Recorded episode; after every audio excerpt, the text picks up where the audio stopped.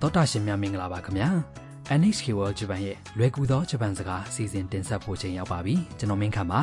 ကျမကပွင့်ပါဂျပန်စကားကိုအတူတူပျော်ပျော်ရွှင်ရွှင်သင်ယူကြပါစို့ ဒီကနေ့သင်ခန်းစာ29မှာဘယ်ဟာရွေးရင်ကောင်းမလဲမိတဲ့အသုံးအနှုန်းကိုလေ့လာပါမယ်အစီအစဉ်နောက်ပိုင်းမှာကမ္ဘာတစ်လွှားနာမည်ကျော်ကြားလူကြိုက်များတဲ့ဂျပန်ရာမင်ခောက်ဆွဲအကြောင်းမိတ်ဆက်ပေးပါမယ် ဒီဇလန်ရဲ့အဓိကဇာတ်ကောင်ကဟာရူဆန်ဟောက်စ်မှာနေတဲ့ဗီယက်နမ်ကလာတဲ့အကြောင်းသူတန်ဖြစ်ပါတယ်ဒီနေ့တော့တအိမ်ထဲမှာနေတဲ့တငယ်ချင်းကိုက်တိုကတမ်ကိုတိုကျိုကနာမည်ကြီးရာမန်ခောက်ဆွဲဆိုင်ကိုခေါ်သွားပါတယ်အဲ့ဒီမှာတမ်ကဗီယက်နမ်မှာတုန်းကစေတနာဝန်ထမ်းအတူလုပ်ခဲ့ကြတဲ့ဒီတာအထူးပြုကျောင်းသားယူကီကိုသတိရသွားပါတယ် သင်ခန်းစာ29အတွက်ဇာတ်လမ်းကိုနားထောင်ပါ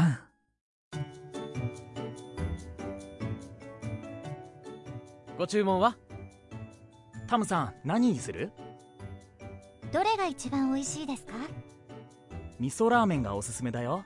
味噌ラーメン日本のラーメンは美味しいよ僕は味噌ラーメンが好きなんだ私味噌ラーメンにします ဝကြတစ်ကြောင်ချင်းကိုကြည့်ပါမယ် ဆိုင်ဝန်ထမ်းကကိုက်တိုနဲ့တမ်ကိုမိပါတယ် ご注文は ဘာသုံးဆောင်မလဲ ကိုက်တိုကတမ်ကိုမိပါတယ် タムさん何にする တမ်ဆန်ဘာစားမလဲ တမ်ကဘာရွေးရမှန်းမသိတာကြောင့်ပြန်မေးပါတယ် どれが一番美味しいですか ဘယ်ဟာကအရသာရှိဆုံးလဲ ။ကိုက်တူကဖြေပါတယ် 味噌ラーメンがおすすめだよ မီဆိုရာမင်ညွှန်းကျင်ပါတယ် ။တမ်ကတယောက်တည်းရေရွတ်လိုက်ပါတယ် 味噌ラーメン မီဆိုရာမင် ။ယူကီနဲ့ဗီယက်နမ်မှာတွေ့တုန်းကယူကီပြောတာကိုတမ်ကအမှတ်ရသွားပါတယ် 日本のラーメンは美味しいよ ဂျပန်ရာမင်ခောက်ဆွဲပြုတ်ကအရသာရှိတယ် 僕は味噌ラーメンが好きなんだ ကျွန်တော်ကမီဆိုရာမင်ကိုတကယ်ကြိုက်တယ် ။ယူကီရဲ့စကားတွေကိုသတိရသွားပြီးတမ်ကပြောလိုက်ပါတယ် 私味噌ラーメンにします ကျမမီဆိုရာမင်စားပါမယ် ။မင်းစောရမန်ကြောင့်တမ်မှာသတိရစရာတွေဖြစ်သွားပြီထင်တယ်နော်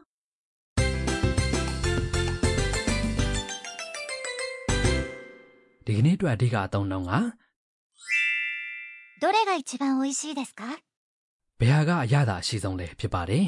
ဒီပုံစံကိုသိသွားပြီဆိုရင်သုံးခုမကတဲ့အရာဝတ္ထုတွေထဲကနေဘယ်ဟာကိုရွေးရင်ကောင်းမလဲမေးတတ်သွားပြီဖြစ်ပါတယ်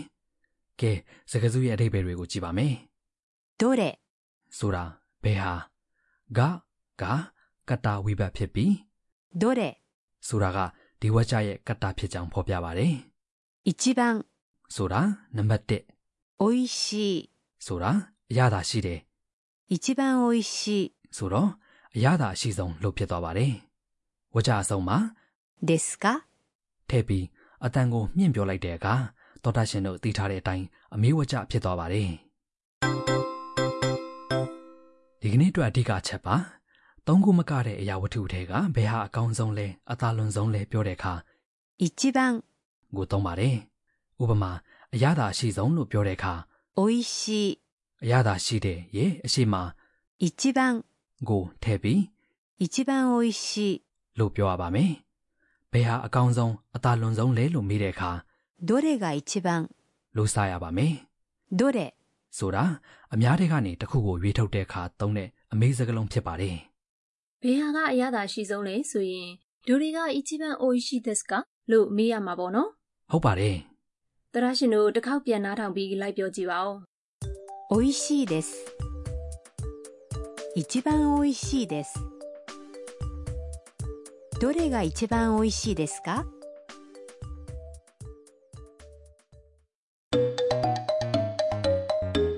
။အခုတခါဘာရွေးရင်ကောင်းမလဲမေးနေတဲ့ဥပမာစကားပြောကိုလည်းနားထောင်ပါ။လက်ဆောင်ပစ္စည်းဆိုင်မှာမုံဝယ်မလို့ရွေးနေတာဖြစ်ပါတယ် どれが一番人気がありますかこれがおすすめです ။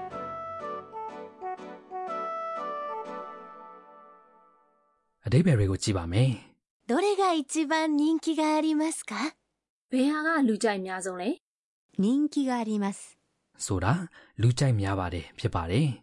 人気 ဆိုတာလူကြိုက်များခြင်းဖြစ်ပြီး あります ဆိုတာ ある ရှိတယ်ဆိုတဲ့ကရိယာရဲ့ must ပုံစံဖြစ်ပါတယ် これがおすすめです ။ဒီဟာကိုညွှန်းချင်ပါတယ် これ ဆိုတာဒီဟာ おすすめ ဆိုတာညွှန်းကျင်တဲ့အရာလို့အဓိပ္ပာယ်ရပါတယ် ။သရရှင်တို့နားထောင်ပြီးလိုက်ပြောကြည့်ပါဦး 人気があります一番人気がありますどれが一番人気がありますか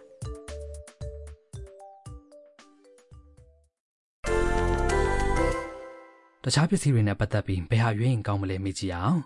တော်တာရှင်တို့လက်ဆွဲတစ်တာဝယ်ဖို့စတိုးဆိုင်တစ်ဆိုင်ကိုရောက်နေတယ်ဆိုပါစို့အယောင်စီးကိုဘယ်ဟာကဈေးအပေါ်ဆုံးလဲလို့မေးကြည့်အောင်ဈေးပေါ်တယ်က 安い安い ဘာပြောကြည့်ပါခင်ဗျာ どれが一番安いですかどれが一番安いですか အခုတခါဂျပန်စားတောက်ဆိုင်တစ်ဆိုင်မှာရောက်နေပြီးမနူးကိုကြည့်နေတယ်ဆိုပါစို့အတွဲလိုက်ချပေးတဲ့ဟင်းပွဲတွေပုံစံအမျိုးမျိုးရှိတဲ့ထဲကဘယ်ဟာကအတန်ဆုံးလဲလို့မေးကြည့်ပါတန်တယ်က お得なお得な ဆိုတဲ့နနာမဝိသေသနာဖြစ်ပါတယ်။နနာမဝိသေသနာကိုဝကြအဆုံးမှာသုံးမယ်ဆိုရင်နကိုဖြုတ်ပြီး this နဲ့အစားထိုးသုံးရပါမယ်။ကဲပြောကြည့်ပါဦး どれが一番お得ですかどれが一番お得ですか ။ဒီကနေ့အတွက်အပို့စုစကားကစိုင်ဝန်တန်းကပြောလိုက်တဲ့စကားပါ။အလွတ်မှတ်ထားပါခင်ဗျာ ご注文はご注文は ။ဆိုတာဘာသုံးဆောင်မလဲဆိုတဲ့သဘောပါ။ order ကဘာပါလဲဆိုတဲ့အဓိပ္ပာယ်ဖြစ်ပြီးစိုင်ဝန်တန်းကအမှား order လက်ခံတဲ့အခါသုံးပါတယ်။ 注文 ဆိုတာအမှား order ဖြစ်ပြီးဖောက်သည်တွေပေါ်လေးစားတဲ့အနေနဲ့အရှိမ go ထည့်ပြီးမိပါတယ်။ what ဆိုတာကအဓိကအကြောင်းအရာကိုဖော်ပြတဲ့ဝိဘတ်ဖြစ်ပါတယ်။အဲ့ဒီနောက်မှာဘာပါလဲဆိုတဲ့အမေစကားစုကိုတော့ထည့်မမိပဲခြံထားပါတယ် ။ဒီစကားစုကိုပြောထားတဲ့အတန်ထွက်တွေကိုနားထောင်ကြည့်ပါ ご注文はご注文はご注文は ။ဒီကနေ့ရဲ့ဇာတ်လမ်းကိုနောက်တစ်ချိန်ပြန်နှားထောင်ပါမယ်။ Tam ကခိုက်တိုကိုဘာရွေးရင်ကောင်းမလဲမင်းနေတဲ့အပိုင်းကိုတေးချာအာယုံစိုက်နှားထောင်ပါ ご注文はタムさん何にするどれが一番美味しいですか味噌ラーメンがおすすめだよ味噌ラーメン日本のラーメンは美味しいよ僕は味噌ラーメンが好きなんだ私味噌ラーメンにします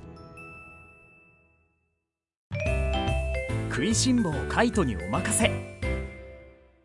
အခုတခါအစားကြီးတဲ့ guide တို့ရဲ့အစားအစာမိတ်ဆက်ကဏ္ဍဖြစ်ပါတယ်။ဒီနေ့တော့ဂျပန်နာမန်ခောက်ဆွဲပြုတ်အကြောင်းမိတ်ဆက်ပေးပါမယ် ။တောတာရှင်တို့ ramen ဆိုတာသိကြလားခင်ဗျာ။ပြုတ်ထားတဲ့ဂျုံခောက်ဆွဲသေးသေးမြင်မြင်လေးတွေကိုစပြုတ်ရည်ပူပူတဲ့ထည့်ပြီးအပေါ်ကနေကြက်ဥပြုတ်အသားဟင်းသီးဟင်းရွက်စတာတွေထည့်ထားတာပဲဖြစ်ပါတယ်။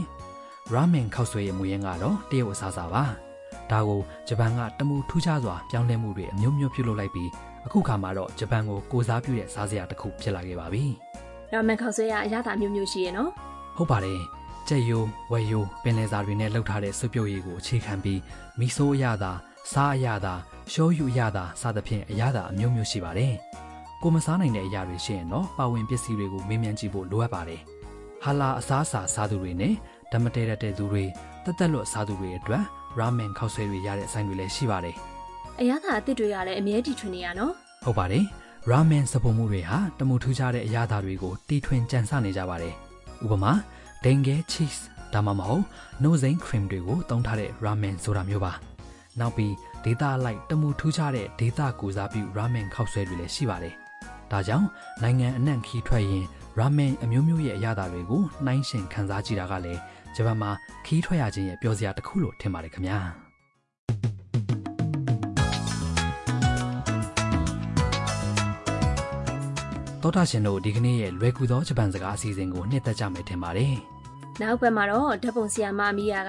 ဇန်နီယာဖျော်ဖြေဝဲသွားတဲ့အကြောင်းကိုတင်ဆက်ပါမယ်။နောက်တစ်ပတ်မှာပြန်ဆောင်ကြမယ်နော်။